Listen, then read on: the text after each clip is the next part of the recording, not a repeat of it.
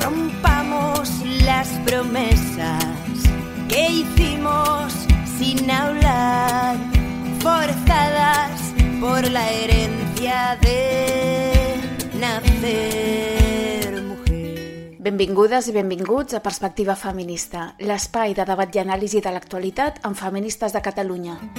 Crecimos con el miedo de. Per entendre la realitat que ens envolta i denunciar les desigualtats entre dones i homes. Somos, somos las nietas de las brujas que no, que no pudisteis quemar. Somos la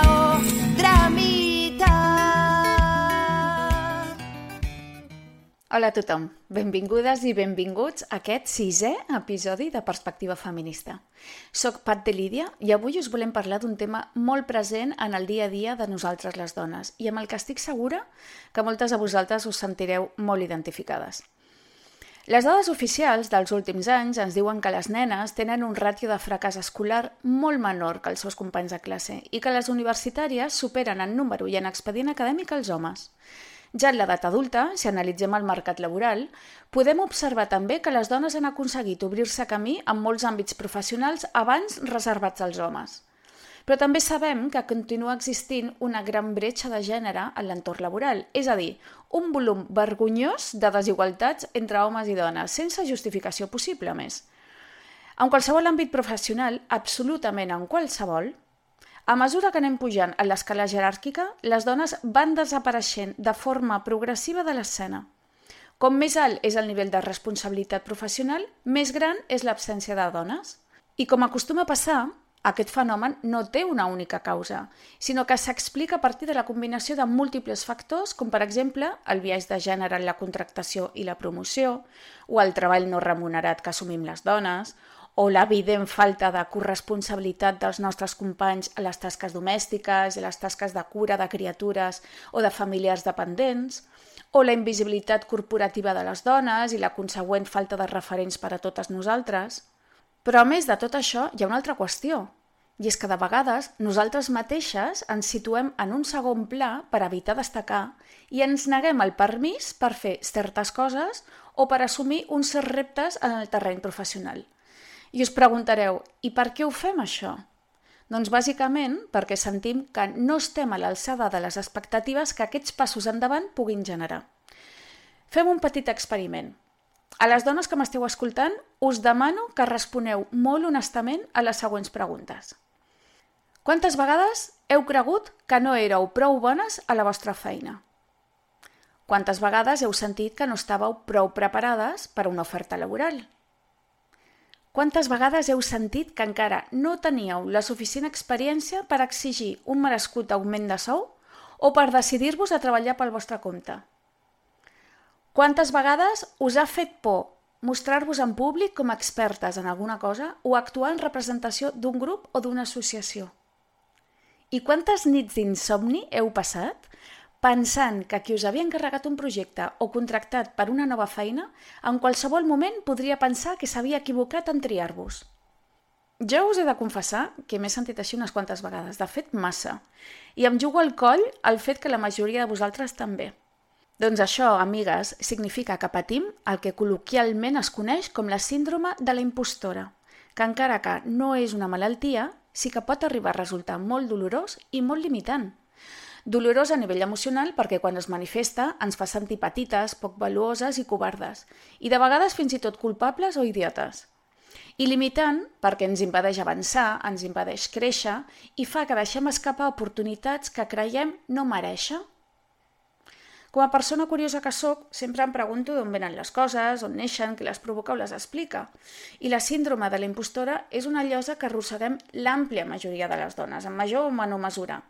I això ja ens diu que ens trobem davant d'un fenomen col·lectiu i, per tant, d'origen estructural, no individual.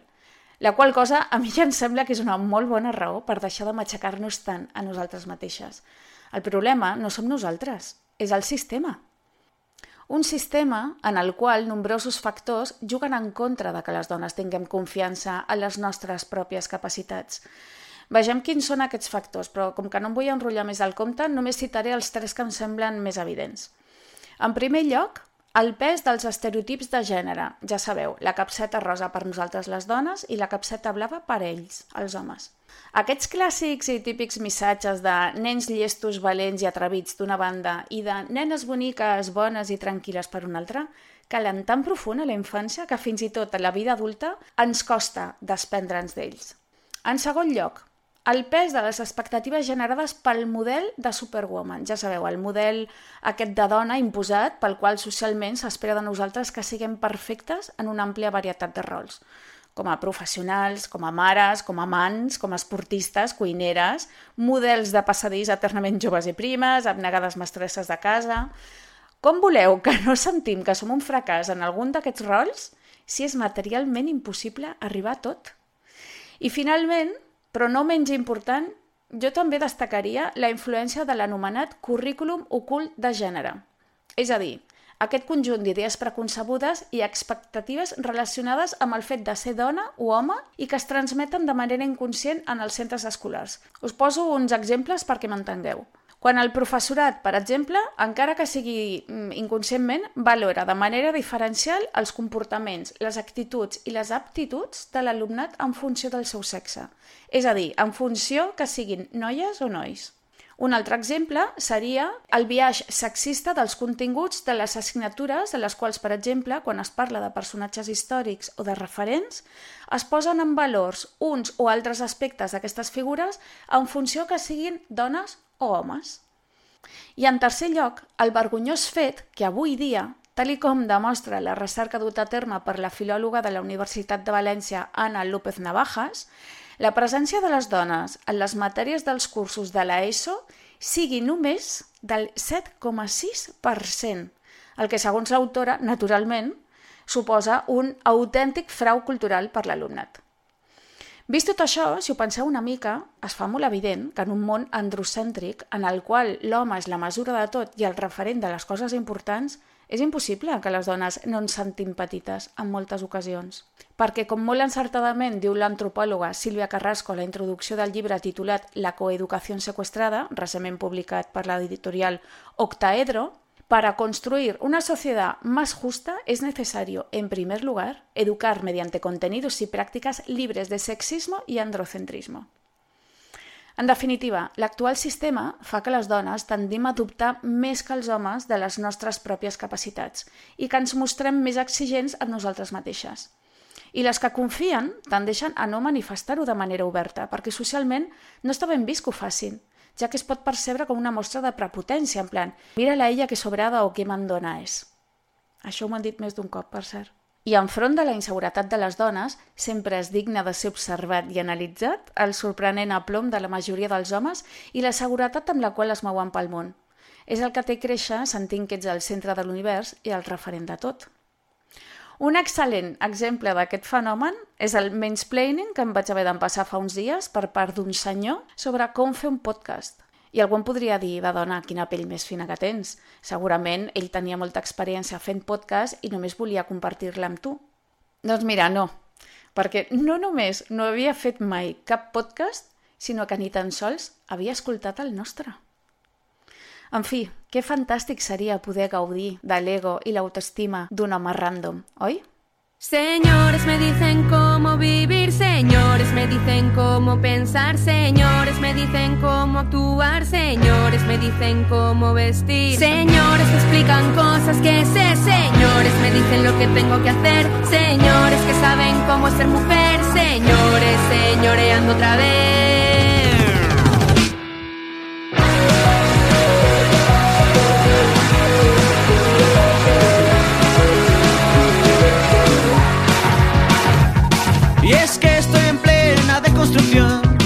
Quiero ser un hombre mejor, reeducar a mi machista interior, dejar de follar para hacer el amor.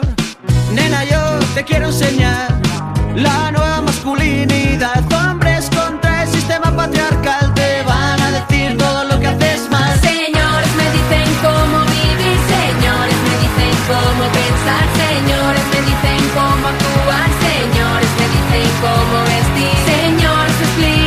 feminismo, señores, validando a sus amigos, señores, usando lenguaje inclusivo, señores, orgullosos de sí mismos, sosteniendo la pancarta en el 8M, los verás.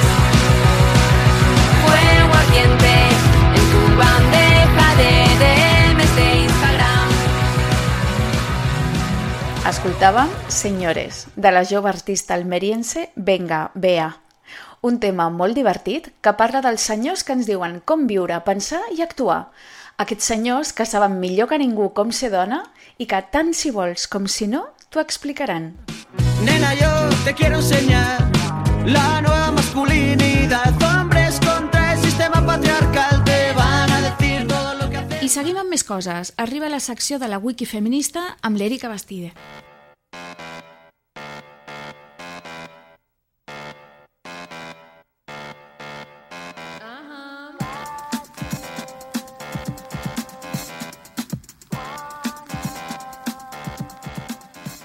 Això és la Wiki Feminista, jo sóc Erika Bastide i avui parlem sobre la síndrome de la impostora.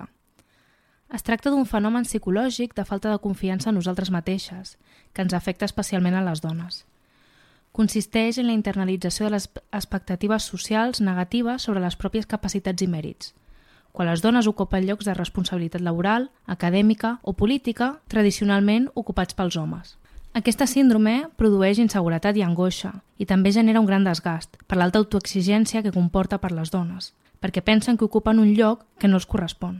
Així mateix, acaba funcionant com una profecia autocomplerta davant els possibles fracassos, la qual cosa dificulta la seva gestió, i en els casos més extrems acaba portant les dones a l'autoboicot per evitar l'èxit. Es diu que un dels motius és la falta de referents femenins, però també la falta d'expectatives que té la societat sobre les dones. La síndrome de la impostora va ser estudiada per primera vegada per les doctores en psicologia Pauline Clance i Suzanne Ims l'any 1978. Van fer un estudi amb entrevistes a 150 dones de gran èxit.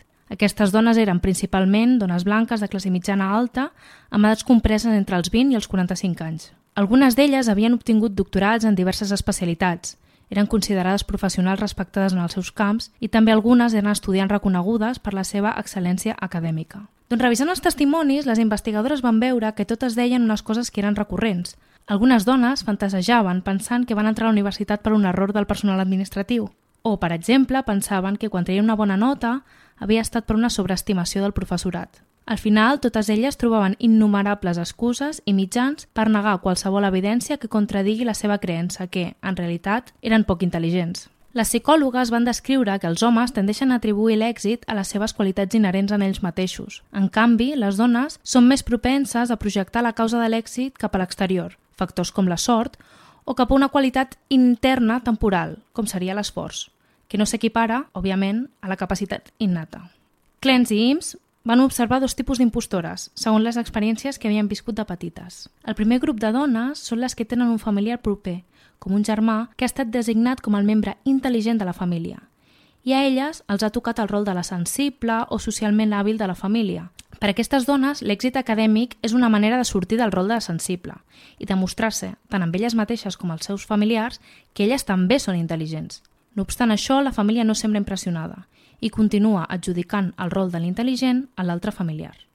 En conseqüència, la dona acaba sentint com una impostora, ja que pensa que la seva família, en el fons, pot tenir raó i dubta en secret del seu intel·lecte. Comença a preguntar-se si ha obtingut les seves altes qualificacions gràcies a la seva sensibilitat, a les seves habilitats socials o fins i tot als seus encants femenins.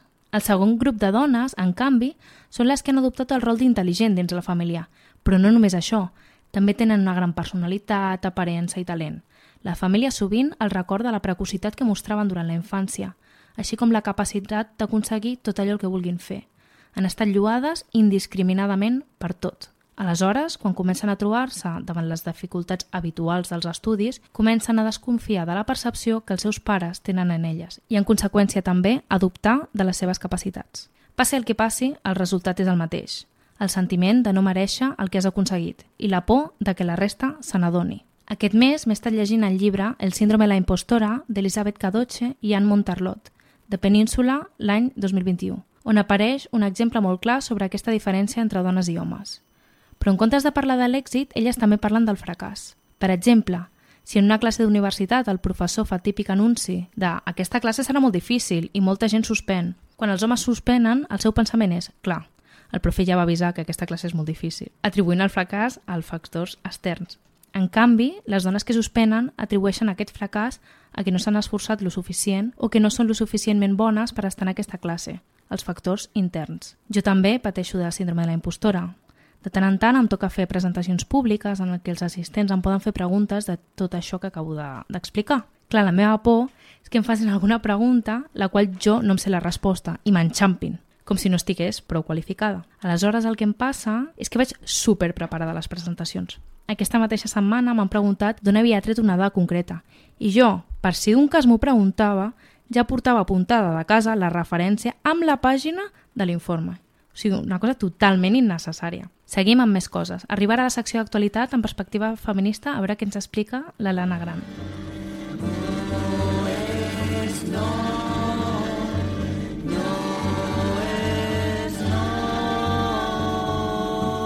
Crec que tothom coneix la Michelle Obama, oi?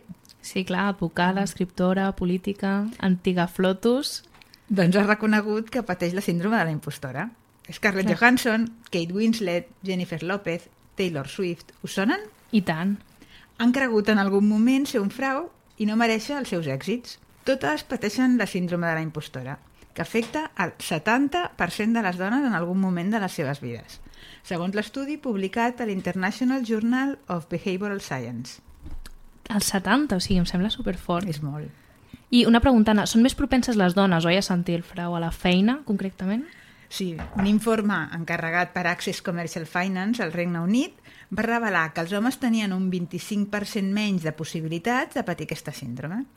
Dos terços de les dones afirmaven haver-ho experimentat. Aquest mateix estudi va revelar que les crítiques són la causa principal per la qual les dones ens veiem a nosaltres mateixes com un frau.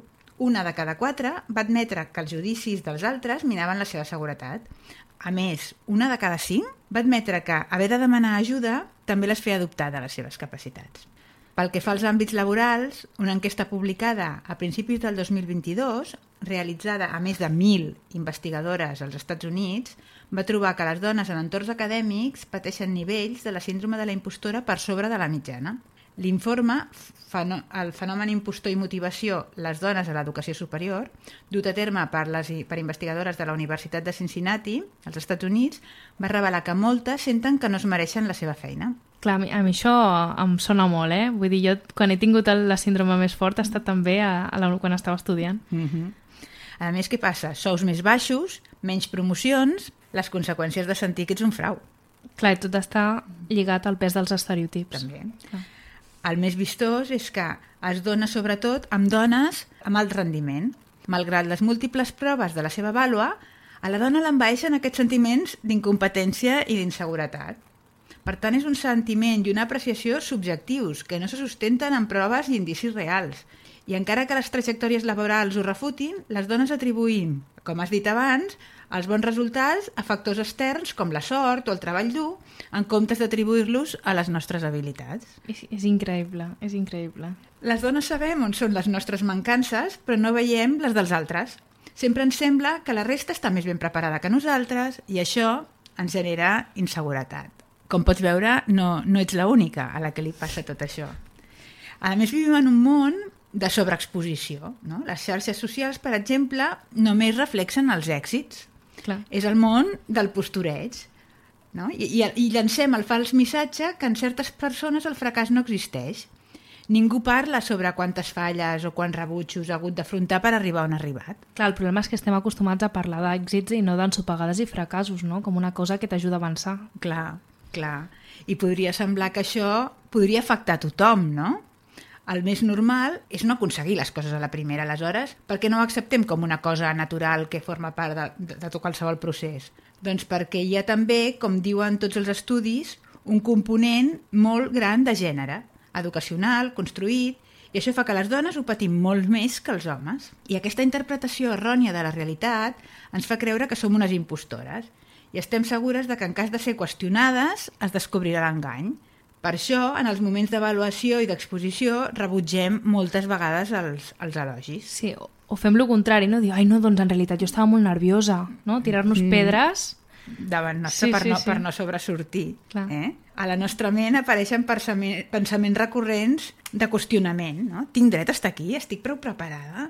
I això provoca reaccions exagerades, com invertir, com tu bé has dit abans, hores excessives a treballar una qüestió que ja dominem, o respostes evasives, eh, com acabes de dir ara, per por de no ser capaces de fer-ho perfecte. No? Les dues respostes reforcen aquest cicle i, i el perpetuen. Un altre estudi, realitzat en aquesta ocasió amb empleades d'empreses tecnològiques com Amazon, Facebook, Microsoft o Google, va revelar que més de la meitat de les treballadores del sector tecnològic reconeixia haver patit la síndrome de la impostora. Clar, són, són sectors molt masculinitzats, mm -hmm. els, de, els de la tecnologia. Exacte. Blind, que és la plataforma de xarxes socials anònimes per professionals, va encastar més de 10.000 empleades d'empreses tecnològiques i gairebé el 58% va admetre que en algun moment s'havia sentit un frau. Trets comuns, autoexigència, llocs de responsabilitat, perfeccionistes... El que sí tenen en comú totes les afectades per la síndrome de la impostora és un alt nivell d'autoexigència i, a més, com més responsabilitat es té, més grans són les possibilitats de patir-ho les dones perfeccionistes, autocrítiques i amb por fracàs i que s'autopressionen molt per assolir els èxits també tenen més risc de patir aquesta síndrome. Us sona? Totes les expectatives del model de la superwoman. Aquest sentiment de ser un frau pot arribar a ser bloquejant i esdevenir una barrera que impedeixi continuar creixent en l'entorn laboral. De fet, tal com demostra un estudi realitzat el 2016 a la Universitat de Salzburg, a Àustria, la majoria de les dones que el pateixen veuen limitada la seva carrera professional. Tenen sous més baixos, menys promocions que companys amb capacitats i experiències similars i més capacitat per buscar llocs nous de treball.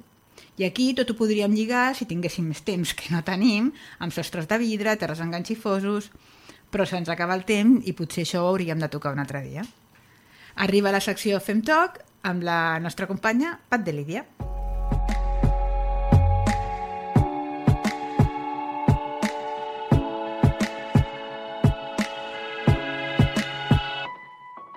I a la nostra Fem Talk d'avui parlem amb Victòria Company, psicòloga, psicoterapeuta. És directora del postgrau Feminisme i Psicoteràpia teràpia constructivista i sistèmica en perspectiva de gènere de la Universitat de Barcelona.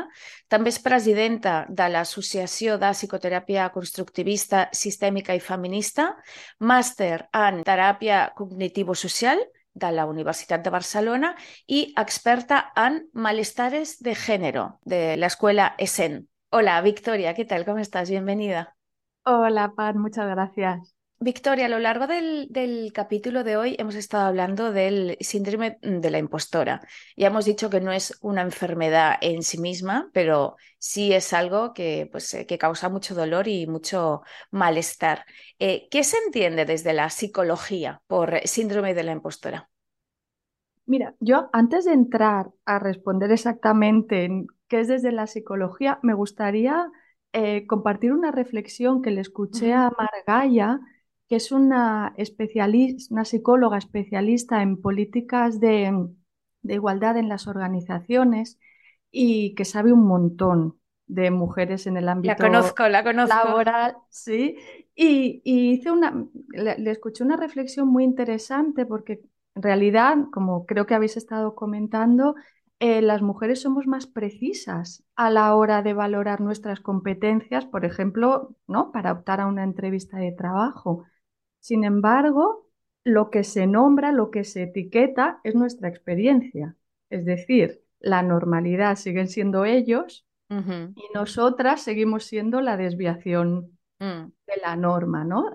Eh, y bueno, me parece interesante empezar con esta reflexión de, de Mar porque, bueno, mm, quizá deberíamos empezar a etiquetar el comportamiento de ellos.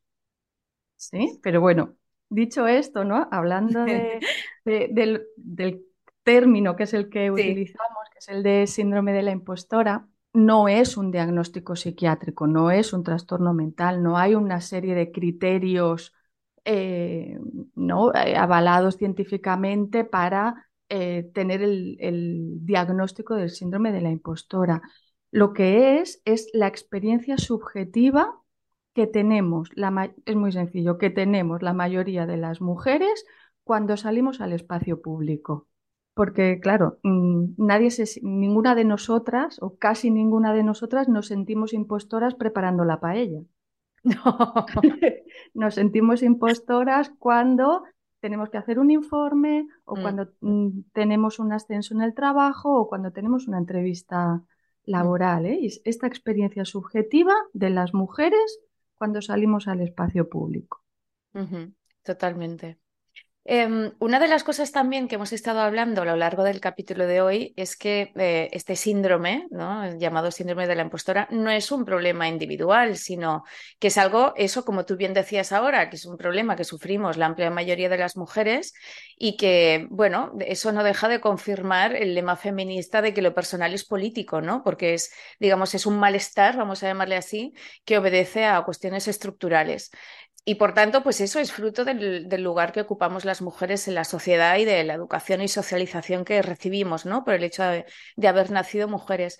Pero eso no quita que sí tenga efectos nocivos, ¿no? En nuestro bienestar a nivel individual. ¿Qué es lo que observas tú en, consulta?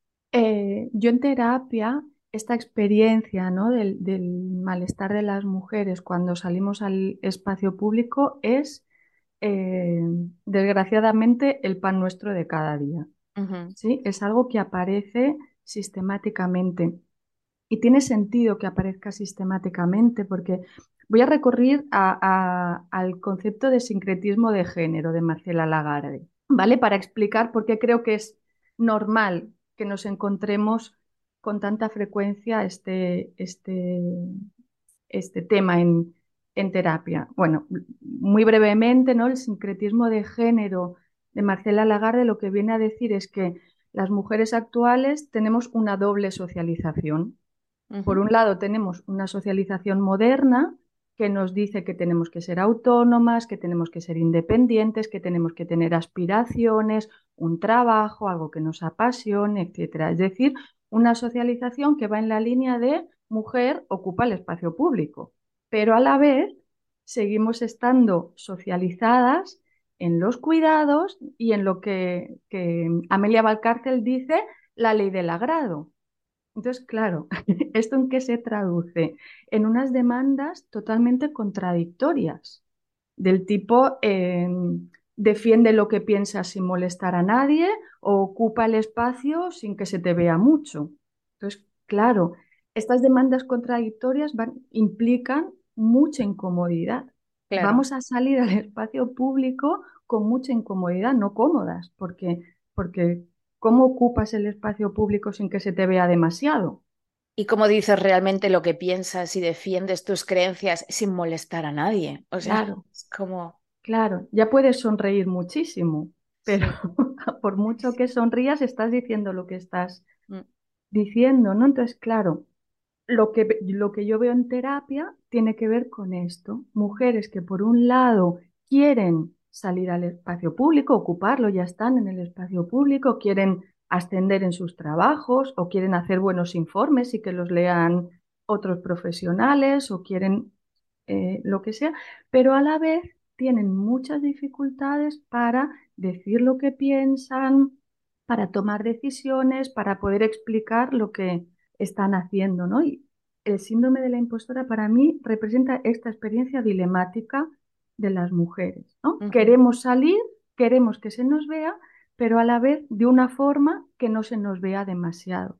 Uh -huh. Uh ¿sí? -huh. Y entonces, claro, por eso es, al ser una experiencia tan dilemática, es algo que las mujeres van a traer a terapia para hablar de ello, porque no saben cómo, cómo resolverlo y muchas veces intentan intentamos resolverlo con más formación, con más conocimientos, más formación, más preparación, pero claro, no se resuelve así.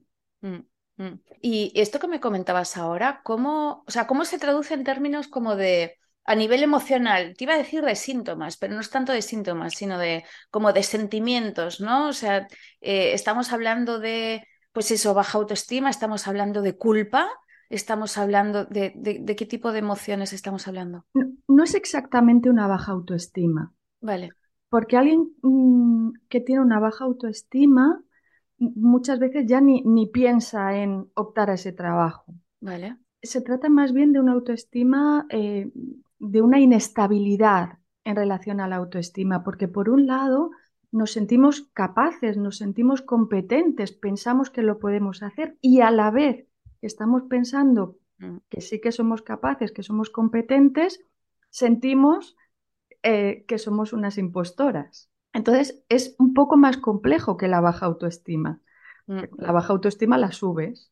Sí. Bueno, no es tan fácil, ¿eh? Pero para, No, no, para ya, ya, ya. entendernos. Esto tiene más que ver con esta inestabilidad, esta una sensación constante de duda interna y de desconfianza hacia, al final, hacia, hacia nosotras mismas. Si lo que estoy Mm. pensando tiene sentido o no tiene sentido. Sí. Sí, sí, no, no, no, es que, claro, voy asintiendo todo el rato con la cabeza porque es que, o sea, mm, eh, a mí, a mí misma me ocurre con, con mi trabajo y estoy segura que a muchas de las mujeres que ahora nos están escuchando también, por no decir todas, ¿no? Que siempre estoy en esa ambivalencia de, por un lado, pienso, hay momentos que digo, no, porque yo en mi trabajo soy muy buena, ¿no? Sé mucho de lo mío, tal. Y luego hay momentos que digo, oh Dios mío, voy a ser incapaz. Y, y noches de insomnio y unas angustias y un proyecto nuevo. Bueno, bueno, se me cae la casa encima y em, eso es, es muy loco, ¿no? Porque te vas de un extremo al otro con una facilidad pasmosa.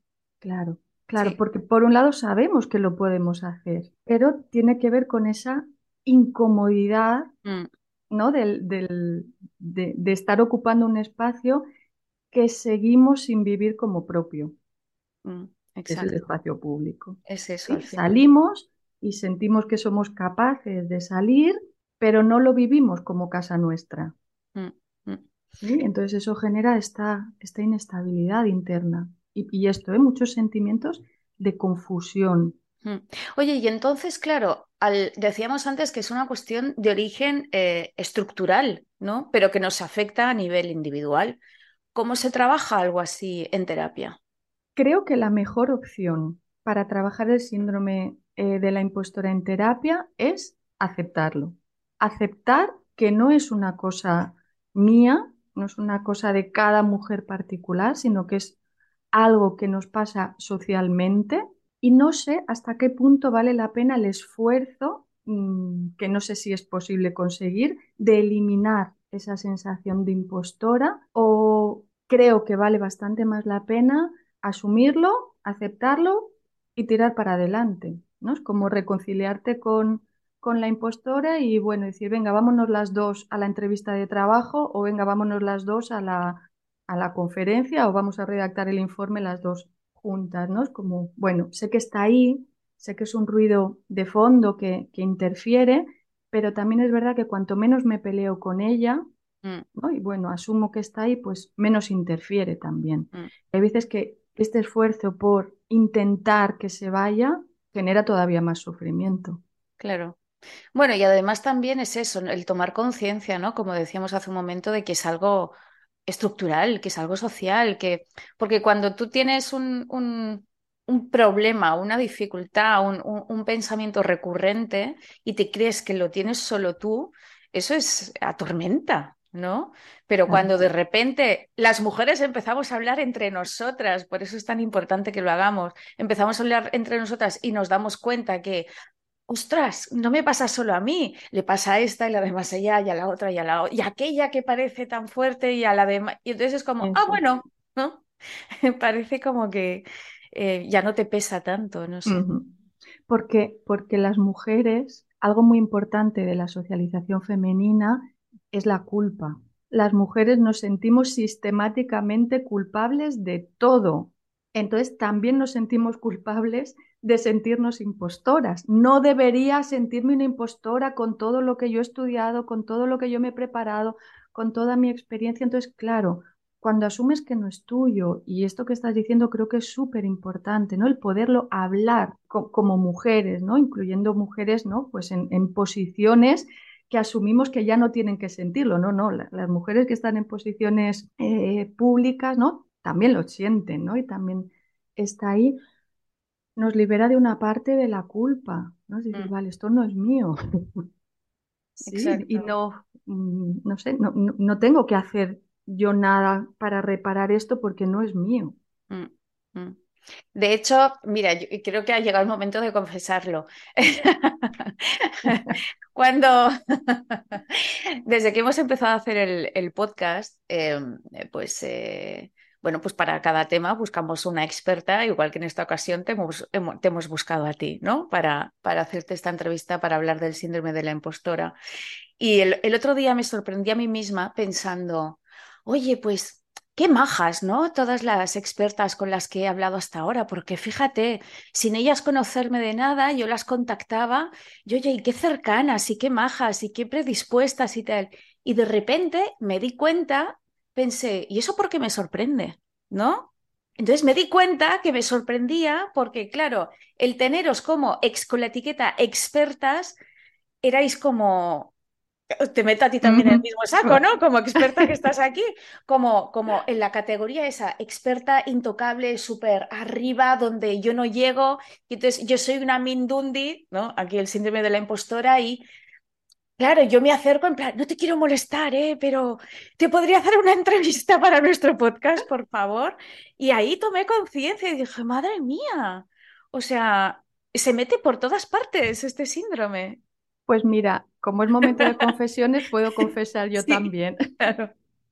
En el posgrado que dirijo, Sí. eh, hay un apartado, ¿no? Un- Una de, los módulos también es un semi- son seminarios de expertas. Y me, me pasa exactamente lo mismo que acabas de describir. Imagínate. Cada vez que me he puesto en contacto con una docente eh, para pedirle que participe en el seminario, he tenido la misma sensación. Qué majas, qué amables, no me conocen de nada. Igual, igual. Y entonces, claro, yo que no soy nadie, les estoy pidiendo que, que, que participen en el posgrado, que no saben ni de qué es y se ofrecen, qué amables. Igual, igual, igual, igual. Ay, buenísimo. Es, de- es decir, no es nuestro. Esto que nos pasa a las dos No, no es no es nuestro, nuestro. efectivamente, efectivamente, es colectivo. Ay, bueno, me siento, me siento mejor. Gracias por la terapia. Vale, oye, entonces una vez hemos asumido que, que lo de sufrir síndrome de la impostora va de algún modo en el pack de haber nacido mujer, ¿no? Porque nacemos mujeres y entonces recibimos una determinada socialización distinta a la que reciben los hombres. Em, y claro, es como que, bueno, pues eh, eso, centramos al final nuestra atención en, en aprender a vivir con esto, ¿no? Y a gestionarlo de la mejor manera posible. Pero claro, es inevitable pensar en lo distinta que hubiera sido nuestra vida y en todas las cosas que no hubiéramos dejado de hacer o en todas, todas las angustias, digamos, que nos hubiéramos ahorrado si no hubiéramos tenido, si no tuviéramos este síndrome de, de la impostora. ¿Cómo podríamos evitar que las futuras generaciones de mujeres lo sufran? Es decir, ¿qué habría que hacer o qué se podría hacer para que nuestras hijas, nuestras nietas no, no sufrieran el síndrome de la impostora? Yo creo que lo más importante con esto es eh, que necesitamos mujeres referentes.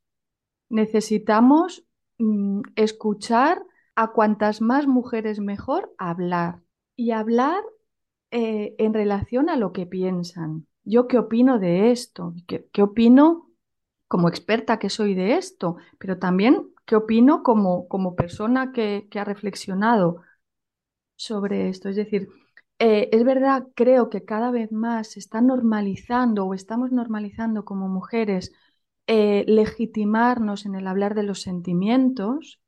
Sí, es, es, es un paso importante, pero creo que es un pasito, ¿no? Y cada vez estamos un poco más cómodas pudiendo decir en voz alta, me siento así o necesito esto, pero creo que es muy, muy, muy importante escuchar a mujeres decir, yo pienso esto de este tema. Y lo, y lo pienso con este argumento o, o con, desde esta posición desde la que, desde la que estoy, ¿no? Desde, desde la que es mi, mi, mi experiencia. Y eh, eso como, como a un nivel más general y, y también, ¿no? Como en un ámbito más cotidiano, poderle la- dar voz a las niñas. Que las niñas también puedan decir qué piensan de las cosas, ¿no? Y, Oye, ¿y ¿tú qué piensas? A tu hija, a tu sobrina, a tu, a Mm. tu vecina. Eh, ¿y tú qué piensas de esto? ¿Qué opinión tienes sobre esto? Porque al final el síndrome de la impostora tiene que ver con eso, con posicionarse sobre algo, en una entrevista de trabajo, en un informe, en una conferencia, en lo que sea, ¿no? Y pues esto, escuchar a mujeres hablar sobre todo.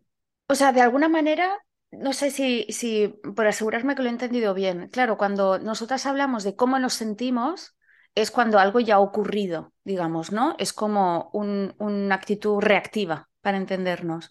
En cambio, si hablar de lo que opino sobre algo, o lo que quiero, o lo que deseo, o mi objetivo es, es como una actitud más proactiva, ¿no? Sí, sí, es el, el sentimiento, cuando hablamos del sentimiento, em, esto sí, mm, tiene que ver con algo que ha pasado y que me ha hecho sentir de una determinada forma. mm, Eh, y eso es importante, pero también, no sé cómo decirlo, es voluble, cambia. Si el otro, me estoy yendo ahora un poco al espacio privado con esto Bueno. que, que has dicho, ¿eh? Pero claro, si el otro se disculpa, pues a lo mejor ya dejo de sentirme como me sentía. Y eso no siempre es bueno. Bueno, y no deja de ponerte en una posición pasiva. Exacto. Sí, mientras que una opinión, creo, eh, una opinión, ¿no? Suele estar reflexionada, suele haber dedicado un tiempo a decir yo qué pienso de este tema. Y creo que eso nos da una, como una estabilidad interna, una seguridad interna que es el antídoto o, o- o uno de los antídotos para esta inestabilidad que hablábamos antes, ¿no? Decir, ujú. me siento capaz, pero no me siento capaz, a veces me siento segura, pero al, al segundo, al, ¿no? Al minuto siguiente ya me siento insegura, ¿no? Y poder tener estas opiniones de, de- de lo que yo pienso de la vida, de las relaciones, de mi trabajo, de cómo se tienen que hacer las cosas eh, pues creo que nos da una, una estabilidad bastante interesante. Muy bien. Entonces, ya simplemente a modo de conclusión, Victoria, porque yo quiero que todas las impostoras se vayan, terminen el podcast como con, con buen sabor de boca, ¿no? Como decir, venga, yo puedo con esto. ¿qué, qué mensaje les lanzamos a todas las impostoras que nos escuchan de qué hacer con ese síndrome que les está, les está tocando a la puerta cada dos por tres? Yo lo que diría, lo primero de todo es, no es culpa vuestra. Eso grabado a fuego, no es culpa vuestra. Eh, y dicho esto, actuar. Da igual, lo importante es hacer, Mm, mm. ¿sí? Y, y- y ya está, y ya, y ya veremos qué pasa después. Pero como no es culpa vuestra, podéis ir a esa entrevista o podéis hacer ese, ese trabajo que tenéis que hacer o, ese, o aceptar ese ascenso que os están proponiendo. Exacto, exacto. Muy bien. podemos. Perfecto. Muy bien, Victoria. Pues muchísimas gracias. Ha sido un placer. A ti, la verdad que, que- que he estado muy, muy a gusto contigo hablando de, de todo esto. Muchas gracias por invitarme.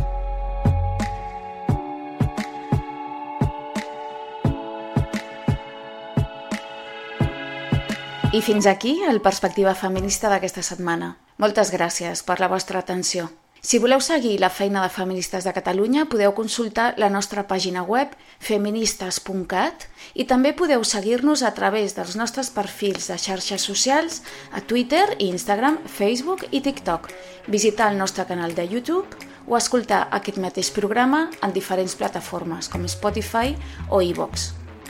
Ens acomiadem amb el tema Hola, impostora, de Francisca Valenzuela, cantant, compositora i instrumentista xilena de pop-rock.